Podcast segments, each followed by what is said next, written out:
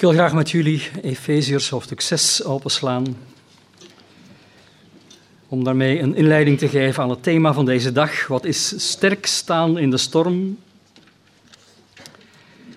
En als het over staan en sterk gaat, dan uh, is daar in ieder geval één vers waar ik uh, aandacht aan wil besteden.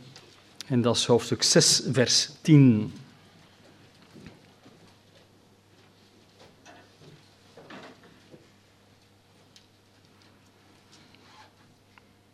En we zullen wel wat verder lezen dan dat ene vers, maar ik wil me vooral concentreren op uh, dingen die met dat eerste vers te maken hebben. Verder, mijn broeders, wordt gesterkt in de Heer en in de sterkte van zijn macht. Bekleed u met de hele wapenrusting van God, opdat u stand kunt houden tegen de listige verleidingen van de duivel. Want we hebben niet te strijden tegen vlees en bloed, maar tegen de overheden, tegen de machten, tegen de wereldbeheersers van de duisternis van dit tijdperk, tegen de geestelijke machten van het kwaad in de hemelse gewesten. Neem daarom de hele wapenrusting van God aan, opdat u weerstand kunt bieden op de dag van het kwaad en na alles gedaan te hebben stand kunt houden. Houd dan stand, uw middel omgord met de waarheid en bekleed met het borstharnas van de gerechtigheid. En de voeten geschoeid met de bereidvaardigheid van het evangelie van de vrede. Neem bovenal het schild van het geloof op, waarmee u alle vurige pijlen van de boze zult kunnen uitblussen. En neem de helm van de zaligheid en het zwaard van de geest, dat is Gods woord. Terwijl u bij elke gelegenheid met alle gebed en smeking bidt in de geest, en daarin waakzaam bent, met alle volharding en smeking voor alle heiligen. Bid ook voor mij, opdat mij het woord gegeven wordt bij het openen van mijn mond, om met vrijmoedigheid het geheimenis van het evangelie bekend te maken, waarvan ik een gezant ben in ketenen. Opdat ik daarin vrijmoedig mag spreken zoals ik moet spreken. Voorts, mijn broeders, wordt gesterkt in de Heer en in de sterkte van zijn macht. Dit vers is een sleutelvers. Het is, het is een, een, een hoogtepunt. Het is eigenlijk de samengebalde betekenis van alles waar Paulus over schrijft aan de Efeziërs. Wees krachtig in de Heer en in de sterkte van zijn macht. Hij is eigenlijk begonnen met hoofdstuk 1 tot 3. En dan zullen we af en toe wat stukjes eh, uithalen. Met als het ware het kader te scheppen. De heerlijke waarheden die zijn in de hemelse gewesten. Christus gezeten op de troon. Wij opgenomen in een eeuwig goddelijk plan. En nog veel meer dingen. Ik zal straks een aantal noemen. En van hoofdstuk 4 tot 6, vers 9, dan gaat hij vertellen hoe dat praktisch uitgewerkt kan worden, moet worden. Hoe het in je wandel zit, die heerlijke waarheden. En als hij dat gedaan heeft, zegt hij, nou, sta dan krachtig te midden van al die dingen, niet in je eigen kracht, maar in de kracht van de Heer Jezus. Want je moet wel ervan bewust zijn dat er meer gaande is op aarde dan wat je ziet met menselijke ogen. Er is een vijand, maar er is ook God en zijn karakter en hij is met je. Zijn wapenrusting. Bid. En zo is dat vers een soort uh, keerpunt, omslag om eigenlijk een, een verklaring, een proclamatie neer te zetten meest krachtig in de Here. Je ziet dat bij een man als David bijvoorbeeld in 1 Samuel 30. Daar is uh, Ziklag, de stad waar hij woonde, is beroofd toen hij weg was met zijn mannen. En alles kwijt, op één dag. Doet maar aan Job denken. Vrouwen, kinderen, bezittingen, woonplaats, alles verwoest.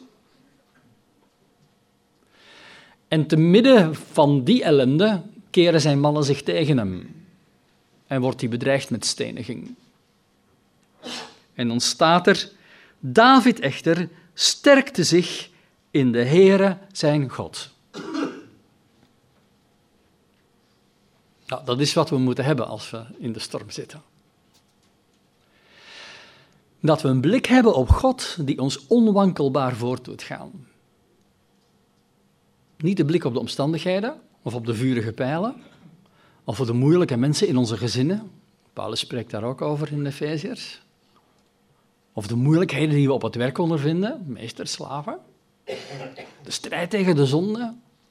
Je kan je ogen zo richten op al die dingen die gaande zijn, dat je je blik, wat je moet hebben op de Heer Jezus, kwijtraakt.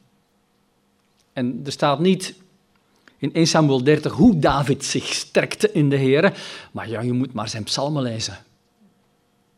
Waar hij vanuit de diepte van zijn ellende, wat is mij overkomen, in een psalm zijn blik opnieuw op God richt en zegt, maar God is. En dan zie je zijn gedachten en zijn emoties als een blad aan een boom omdraaien. Draai de bladeren aan de boom om? Dat is zo'n uitdrukking, hè? David sterkte zich in de Heer. Ik moest ook denken aan Hiskia, die eigenlijk eh, voor een onmogelijke opdracht staat. Sanherib bedreigt Jeruzalem en wordt hem aangekondigd, mannen, we gaan deze stad klein maken. En Hiskia verschijnt voor God en hij zegt eigenlijk, God, het is waar hè, wij kunnen hier niks beginnen, maar... En hij legt de brieven die hij heeft ontvangen voor het aangezicht van God. Zijn oog is op zijn God. Vanaf zijn brieven, waar de ellende zit, naar zijn God. Dus het krachtig zijn in de Heer is niet zo een geïsoleerd gevoel van een mystieke aanwezigheid van God waar ik een krachtig gevoel bij heb. Het is te midden van de oorlog. Wanneer Ziklag is beroofd, wanneer de vijand voor de poort van Jeruzalem staat, wanneer de brandende pijlen daar zijn, dan je oog op de Heer Jezus gericht houden, staande in Hem, in de Heer. Nou, dat in, in de Heer is interessant om dat uit hoofdstuk 1 tot 3 uh, eh, te bekijken, maar ik zal een paar mensen, uh, dingen noemen. Het in de Heer, waar Paulus het over heeft, is dit in de hemelse gewesten in Christus gezegend met alle zegeningen. In Hem uitverkoren voor de grondlegging van de wereld. Als zijn kinderen aangenomen in zichzelf. Begenadigd in de geliefde. In Hem hebben wij de verlossing. Wij worden in Christus bijeengebracht. Wij zijn in Hem een erfdeel geworden we zijn in Hem verzegeld met de Heilige Geest van de belofte. Dit zijn gigantische dingen. Dit is de hemelse werkelijkheid die als een waterval, een heerlijke genade van God op ons leven terechtkomt. En de vraag is of deze waarheden een diepgaand effect op ons hebben. Om het met de slogan van de Truth Project te zeggen, geloof je echt dat wat je gelooft werkelijk waar is? Want als we zouden geloven wat we geloven, dan zouden we niet bezorgd zijn. Dan zouden we niet bang zijn in de storm. Dan zouden we staan als het moeilijk is.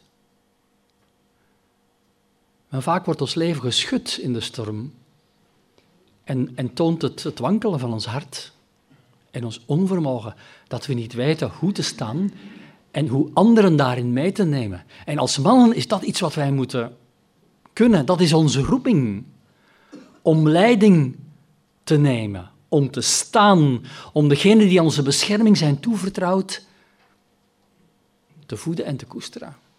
Maar dat kan je alleen als je zelf staat. En als je leiding neemt in de dingen die God je heeft toevertrouwd. Dus is ons dagelijks leven met deze waarheid verbonden? Of hoe groot is het gat tussen wat wij over God denken en hoe wij met hem in hem leven. Is hij een soort klaagmuur waar we tegenaan praten? Alsof we hem van op afstand moeten overtuigen? Of is hij degene die in de storm met ons, in ons, werkzaam is? Is ons leven verbonden met de dagelijkse omgang met Christus? Of missen wij die verlichte ogen van het hart om die dingen te zien en daarin alles te vinden wat we nodig hebben.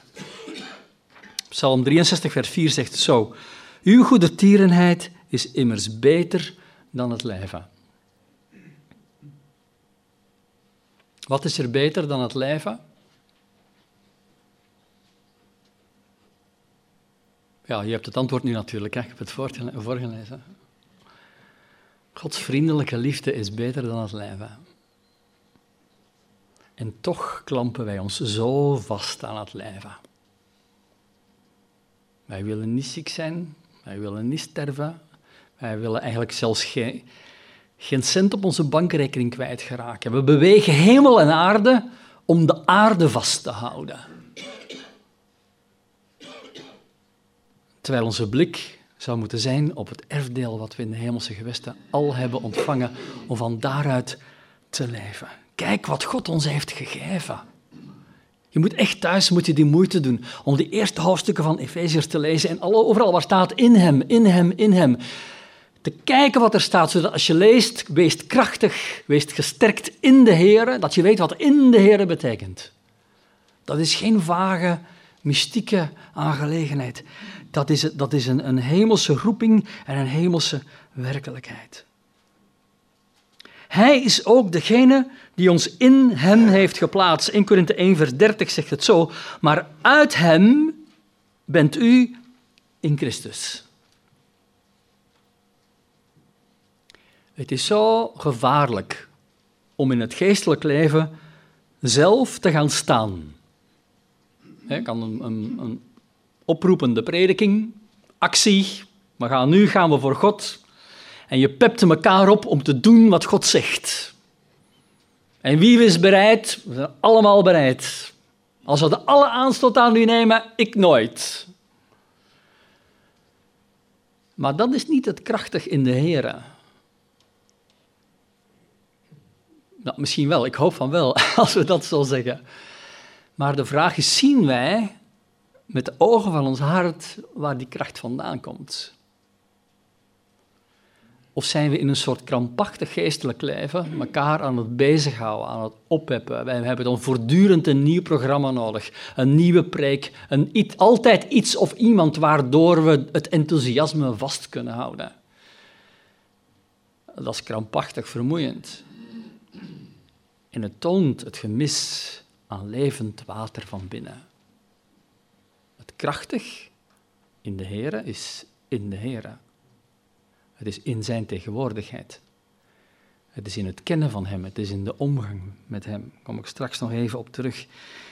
In de omgang met Hem waar je op zijn feestje bent en niet op het jouwe. Als kinderen naar een pannenkoekenfeestje mogen gaan, omdat iemand jarig is, degene die jarig is, die zit aan het hoofd van de tafel, die krijgt de kroon, die krijgt ook alle cadeautjes. En de anderen die, die moeten blij zijn voor wat er met die ene gebeurt. En als er eentje jaloers wordt of daartussen gaat fietsen, dan zeg je, hé manneke, het is niet uw feestje, het is haar, het is zijn feestje. En vaak gaan we met God om alsof het ons feestje is.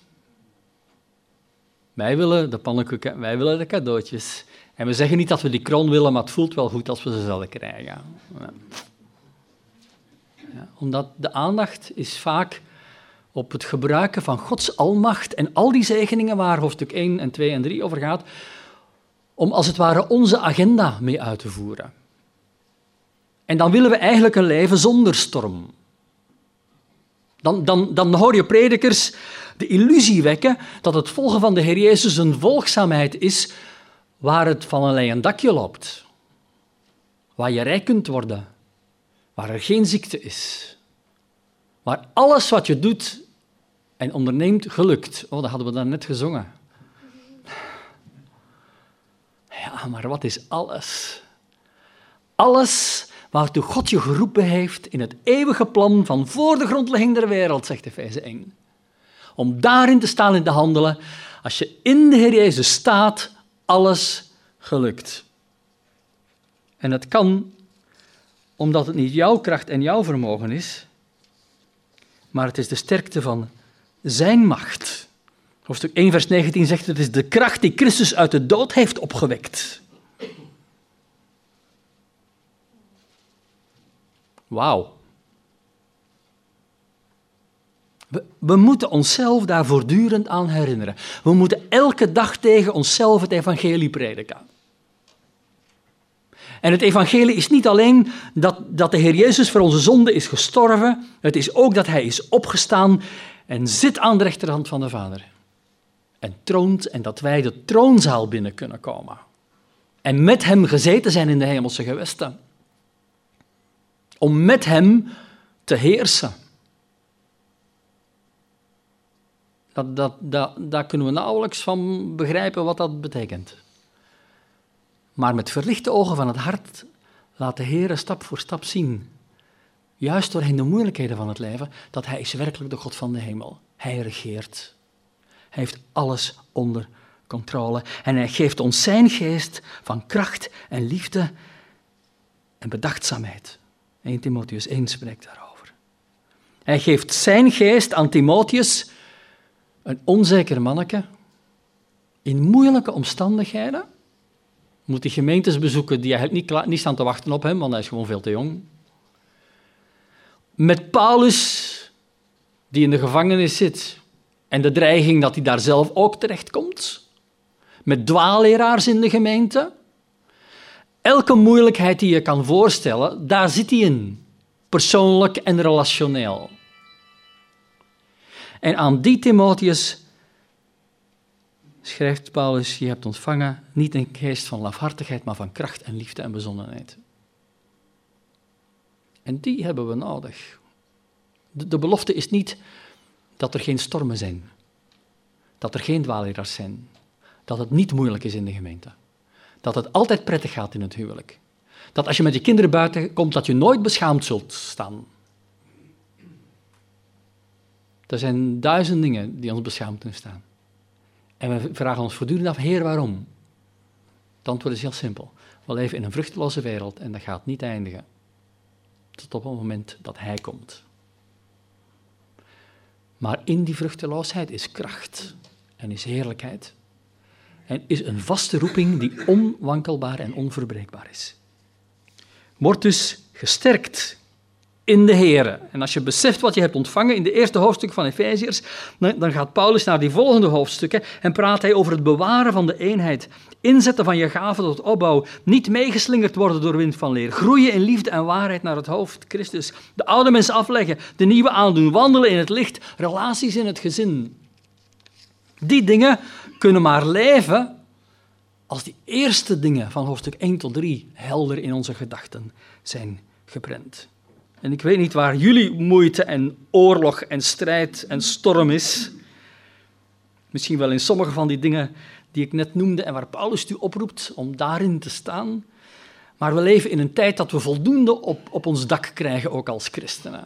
Ik zat een paar weken geleden, vorige week, maandag, dus één week geleden, met een aantal voorgangers uh, samen en we waren met elkaar over, aan het uh, bidden en nadenken over wat heeft de gemeente nodig om geestelijk opgewekt te worden. En waar liggen de problemen? En er werden eh, zo vier dingen op een rij genoemd.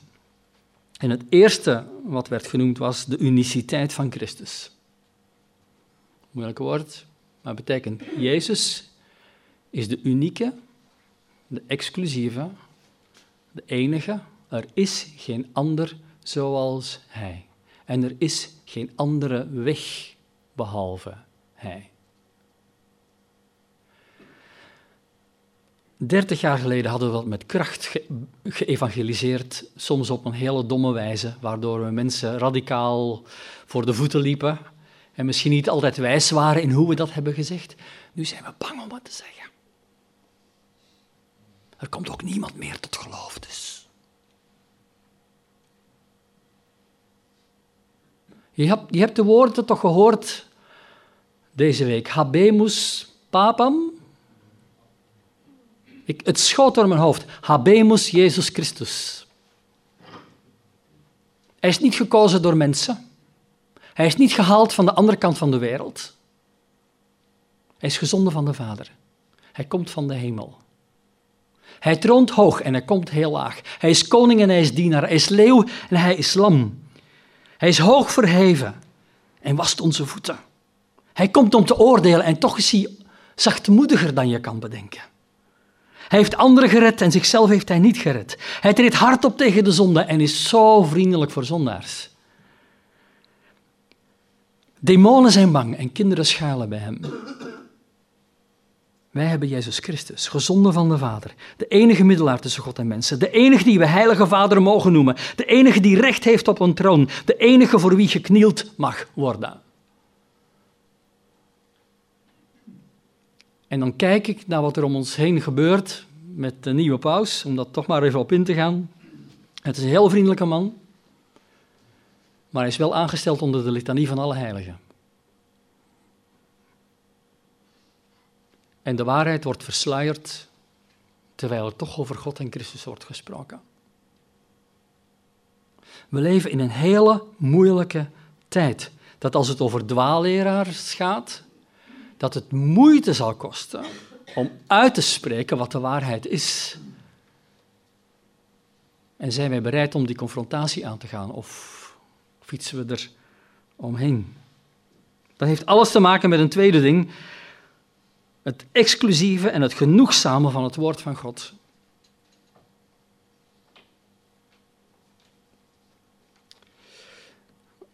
Ik sprak uh, twee weken geleden, dat is wel twee weken geleden, op een conferentie voor voorgangers in Nederland. En het ging over de spanning tussen bediening en gezin. En hoe God te midden daarvan zijn werk doet. En ik vertelde als voorbeeld ehm, dat wij gestopt zijn met naar uh, romantische films te kijken. Ik ga niet uitleggen waarom, maar ons gezin is daarmee gestopt. Komt een echtpaar nadien met ons praten en zegt: Ja, maar als je naar een film kijkt, dat geeft toch vaak mooie illustraties van hoe het leven is. En ik heb gezegd, dat geeft heel mooie illustratie van hoe het leven niet is. En als je de waarheid moet leren kennen door je oog te richten op hoe de dingen niet zijn en niet behoren te zijn, dan ben je bezig met je hart te vullen. Niet met de kracht die in Christus is, maar met datgene wat in de wereld is. Voorganger zegt paar. Ze hebben me aangekeken alsof ik van Mars kwam.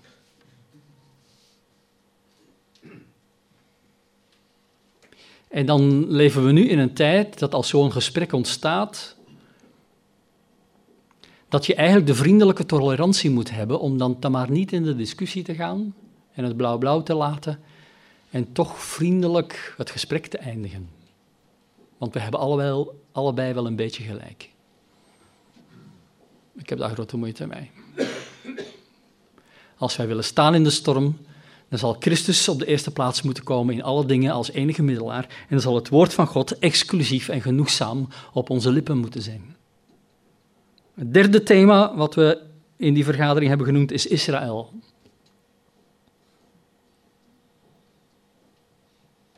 Het klinkt niet politiek populair om te zeggen dat Israël het volk van God is en dat God een plan heeft met dat land. Ik weet wel, het bestuur is een goddeloos bestuur. Maar het land is niet een land zonder God. En dat zonder God is niet zonder God omdat dat land per se met God wil. Het is met God of niet zonder God omdat God met dat land wil. En er komt een dag dat we alle kleur zullen moeten bekennen. En een derde thema, dat was het derde, Israël was het derde. Het vierde thema was seksualiteit homoseksualiteit. En een stapje verder, ik hoorde een verhaal van een kerk die een huwelijksinzegening heeft gedaan, niet met twee, maar met vier mensen. Een huwelijk van vier.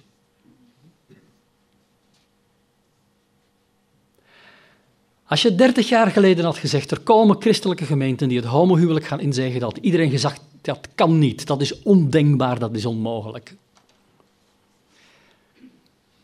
Als ik nu zeg dat er gemeenten komen die huwelijken met vier zullen inzegenen, dan denkt iedereen nu, het is onmogelijk, het is ondenkbaar, dat kan niet. Ik kan je garanderen, binnen 30 jaar zijn we zover. Waarom? Omdat we de waarheid van het woord van God niet radicaal preken en omdat we niet in de gaten hebben als het over seksualiteit gaat, dat het alles te maken heeft met het karakter van wie God is.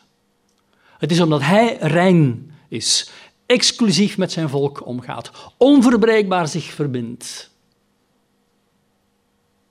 dat seksualiteit op een bepaalde wijze beleefd en beoefend moet worden. En vaak zijn we in onze gemeenten bezig met de wet te lezen van dingen die mogen en niet mogen, maar is het compleet losgekoppeld van wat het karakter van God is. En de jongeren vragen zich af waarom.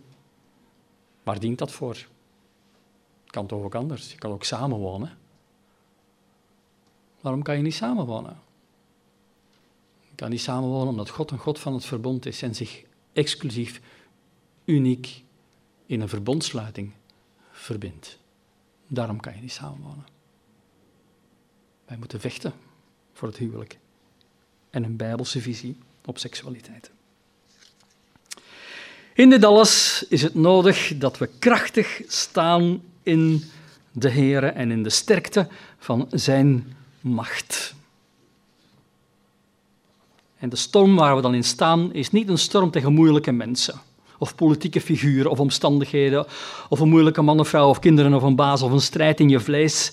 Het gaat wezenlijk om een strijdperk tegen geestelijke machten van het kwaad in de hemelse gewesten. Dat is wat Paulus ons hier leert in hoofdstuk 6. Een strijd waar je niets bereikt met menselijke wapens. Het geestelijk leven is geen speeltuin. Het is geen gezellig onderonsje. Het is een moeilijke strijd. Een van de dingen die in die voorgangersconferentie aan de orde kwam, is waarom hebben wij het zo moeilijk in onze gemeente? Waarom grijpt God niet in? Waarom kan het niet wat makkelijker gaan? En ik heb tegen de broeders gezegd, en ook tegen de zusters, jongens, het gaat niet makkelijker gaan. Jullie zijn geroepen om te lijden. De gemeente vermenigvuldigt zich op het bloed van de martelaren. Dat is hoe het zaad zich verspreidt. Als je hem volgt, dan neem je een kruis op. En dat is niet zomaar ieder huisje heeft zijn kruisje. Heb je die, die uitdrukking in Nederland ook? Ja. Het is een extra kruis. Het is een loodzwaar kruis. En tegelijkertijd is het zo zacht en licht. En dat zachte en dat lichte komt alleen tot stand wanneer je met ogen Jezus ziet, gekruisigd, en in hem aanschouwt de heerlijkheden van hoofdstuk 1 van dit boek. Want ontstaat er iets van liefde en omgang en troost en kracht van de Heilige Geest in je.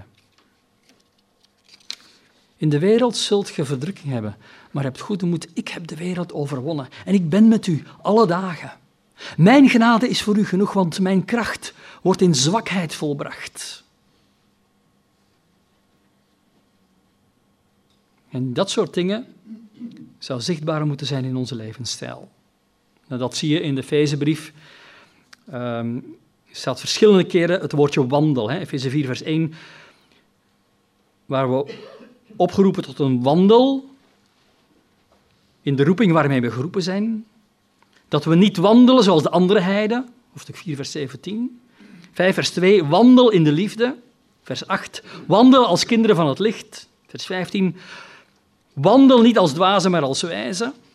Hoofdstuk 3, vers 16, opdat hij u geeft naar de rijkdom van zijn heerlijkheid met kracht gesterkt te worden door zijn geest in de innerlijke mens. Die wandel die vergt kracht. Die vergt goddelijke kracht. En die is ook beschikbaar, want de overwinnaar staat aan onze zij. Maar die overwinning is wel te midden van de activiteit van machten. Hoofdstuk 2, vers 2. Daar wordt gesproken over de geest die nu werkzaam is in de kinderen van de ongehoorzaamheid. Hoofdstuk 4, vers 27 waarschuwt ons, geef de duivel geen plaats. Hoofdstuk 5, vers 16, buiten geschikte tijd uit, omdat de dagen vol kwaad zijn. En hoofdstuk 6, we moeten staande blijven in de kwade dagen. Er zijn kwade dagen. Het leven is zat van onrust. Wees sterk in de Heer in zijn wapenrusting. Ik moest in, in dat sterk zijn in hem en de oproep van gebed die ook aan het einde van die wapenrusting staat, ook denken aan de geschiedenis van de tien meisjes, vijf wijzen en vijf dwazen. Ze, ze wachten allemaal op de komst van de bruidegom. Ze hebben allemaal lampen, ze zijn allemaal onderweg. En langs de buitenkant denk je, ze horen bij het feestje. En dan is de bruidegom daar en heeft de helft onvoldoende olie. We zitten allemaal in de gemeente. We zeggen allemaal dat we christenen zijn. We zwaaien met onze lampen. Maar de vraag is, is er olie? En het trof mij dat de bruidegom, wanneer die, die meisjes toch proberen binnen te komen, dat hij tegen hen zegt, ik heb u nooit, weet je wat er staat? Gekend, gekend, gekend. Het gaat om relatie. Het gaat niet om de uiterlijk, het uiterlijke vertoon van ons christelijke wereldje. Het gaat niet om de stijl van de muziek in onze gemeente. Het gaat niet om duizend dingen van uiterlijkheden. Die kunnen helpen. Maar het gaat om de olie. Het gaat om, om datgene wat ontstaat in het kennen van Hem die ons geroepen heeft door Zijn heerlijkheid en macht. Dat is een, kennen, een ander kennen dan Petrus, die ik al noemde. Heer, al zouden alle aanstoot aan u nemen, ik nooit. En Jezus moet hem terugbrengen met de vraag: Simon, zoon van Johannes, hebt u mij meer lief dan deze? Je kent die geschiedenis wel. Drie keer wordt dat hem gevraagd. En de Heer Jezus begint met hem te vragen: Heb je mij goddelijk lief? Met goddelijke liefde. En Petrus antwoordt: Heer, ik heb u lief met menselijke liefde. Nee, u weet dat ik u lief heb, maar u weet dat ik u ook niet lief heb, onvoldoende lief heb. Volg mij. Goed, mijn schapen. Blijf dicht bij mij. Het duurt twee minuten. We lezen zo makkelijk, hè? Petrus in zijn positie of in zijn eer of in wat ook herstelt. Maar even later zegt hij, en wat gebeurt er daar met Johannes? De blik van de intimiteit met de Heer Jezus gaat op twee minuten, zo'n belangrijk moment. Wat gebeurt er met die ander? Wat doet die ander? Wat zegt die ander? Waarom, waarom ik niet? Hoe zit dat? En de aandacht is meteen al weg van de heerlijke heerlijkheden van hoofdstuk 1. En Jezus moet hem bij de hand pakken en zeggen: Petrus, je hebt niet te kiezen om waar je naartoe gaat. Er komt een dag dat ze je zullen brengen op een plek waar je niet wil zijn. Maar je zult daar zijn. Omwille van de roeping die ik over je leven heb gelegd. Volg jij mij? Maak je geen zorgen over wat met die ander gebeurt. Dat is mijn zaak. Volg jij mij. In dit alles ervaar ik zelf het woord van God als een liefdesmoment. En ik zie andere mensen daar soms tegenaan hikken alsof het een zware tuchtmeester is. Zie je, als je doorheen die storm moet gaan en gekruisigd worden, zoals je Heer is gekruisigd, als je dat uit eigen vermogen moet doen, zonder in Hem te zijn, zonder de intimiteit, zonder Hem te kennen van binnenuit, als het ware, dan is het een onmogelijke opdracht. Dan is het loodzwaar. Dan is het een tuchtmeester. Dan is het een kramp. Maar broeders, als wij opwekking willen in onze gemeenten, als wij sterk willen staan in de storm die over dit land en over onze gezinnen en over de gemeente komt, dan hebben we met elkaar intimiteit met God nodig. We kunnen duizend preken houden over hoe je moet communiceren met je vrouw om een goed huwelijk te hebben. We kunnen duizend preken houden over hoe je je kinderen moet opvoeden over hoe je gedachten moet beheersen en niet negatief denken. Dat heeft allemaal geen zin. Tenzij het geboren wordt uit intimiteit met God en het bewustzijn van zijn nabijheid en het staan in zijn tegenwoordigheid en de erkenning van Heer, ik kan dit leven niet leven, maar leeft u uw leven maar door mij. Ik kom in uw veilige schuilplaats. Ik ga niet zelf ten strijden tegen de tegenstander, ik schuil bij u. En dan moet hij vlieden. biedt weerstand aan de duivel, gebeurt wanneer je schuilt bij God. En in dat alles hebben we elkaar nodig. Is niet voor niks ook dat, eh, dat Paulus het belang neerlegt van gebed, maar ook gebed voor elkaar. Ehm, het is niet onze individuele, persoonlijke strijd. We zijn geroepen in de gemeenschap van de heiligen. Daar zijn we in ingesloten, in verwijven, ingewijven. En als je relatie met de gemeente moeizaam verloopt, al maak je je zorgen over contacten, vriendschappen, hoe dingen gaan of niet gaan, je bent een kind van God dat verbonden is met het gezin van God en zij zijn deel van jou en omgekeerd. Wij zijn een bouwwerk, een tempel. Laten we dan acht geven op hoe wij bouwen. En onze omgang met God in onze stille tijd. Lees je Bijbel, bid elke dag. Dat zeg ik in elke preek, dus ik zeg het nu ook weer. Lees je Bijbel, bid elke dag. Dat vasthouden als een anker. Dat is de enige weg om te overwinnen. Want het gaat om de omgang met Hem. En dat Hij zegt, ja, ik heb je gekend. Wel gedaan, gij goede en getrouwe dienstknecht. Kom maar. Je mag binnen op mijn feestje. Laat ons bidden.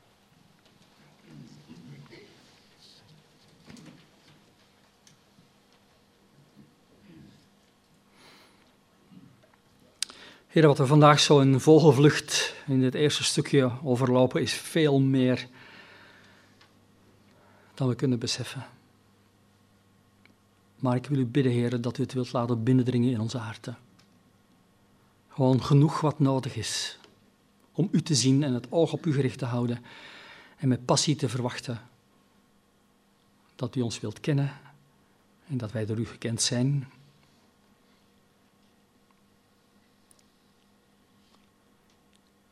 En we beleiden dat ons hart zoekt u niet vanzelf. En we bidden, geef ons een nieuw hart. Vernieuw het meer en meer, van heerlijkheid tot heerlijkheid. Om die waarheden daarin vast te houden. En niet met de ogen van de wereld en niet op de omstandigheden te kijken de blik op u. En dan bid ik voor de rest van deze dag, Heer. Dat u doorheen dit woord de toon wilt zetten. En uw uitnodiging wilt bestendigen. Om contact met ons te hebben. En u te zoeken en te kennen, in u te zijn.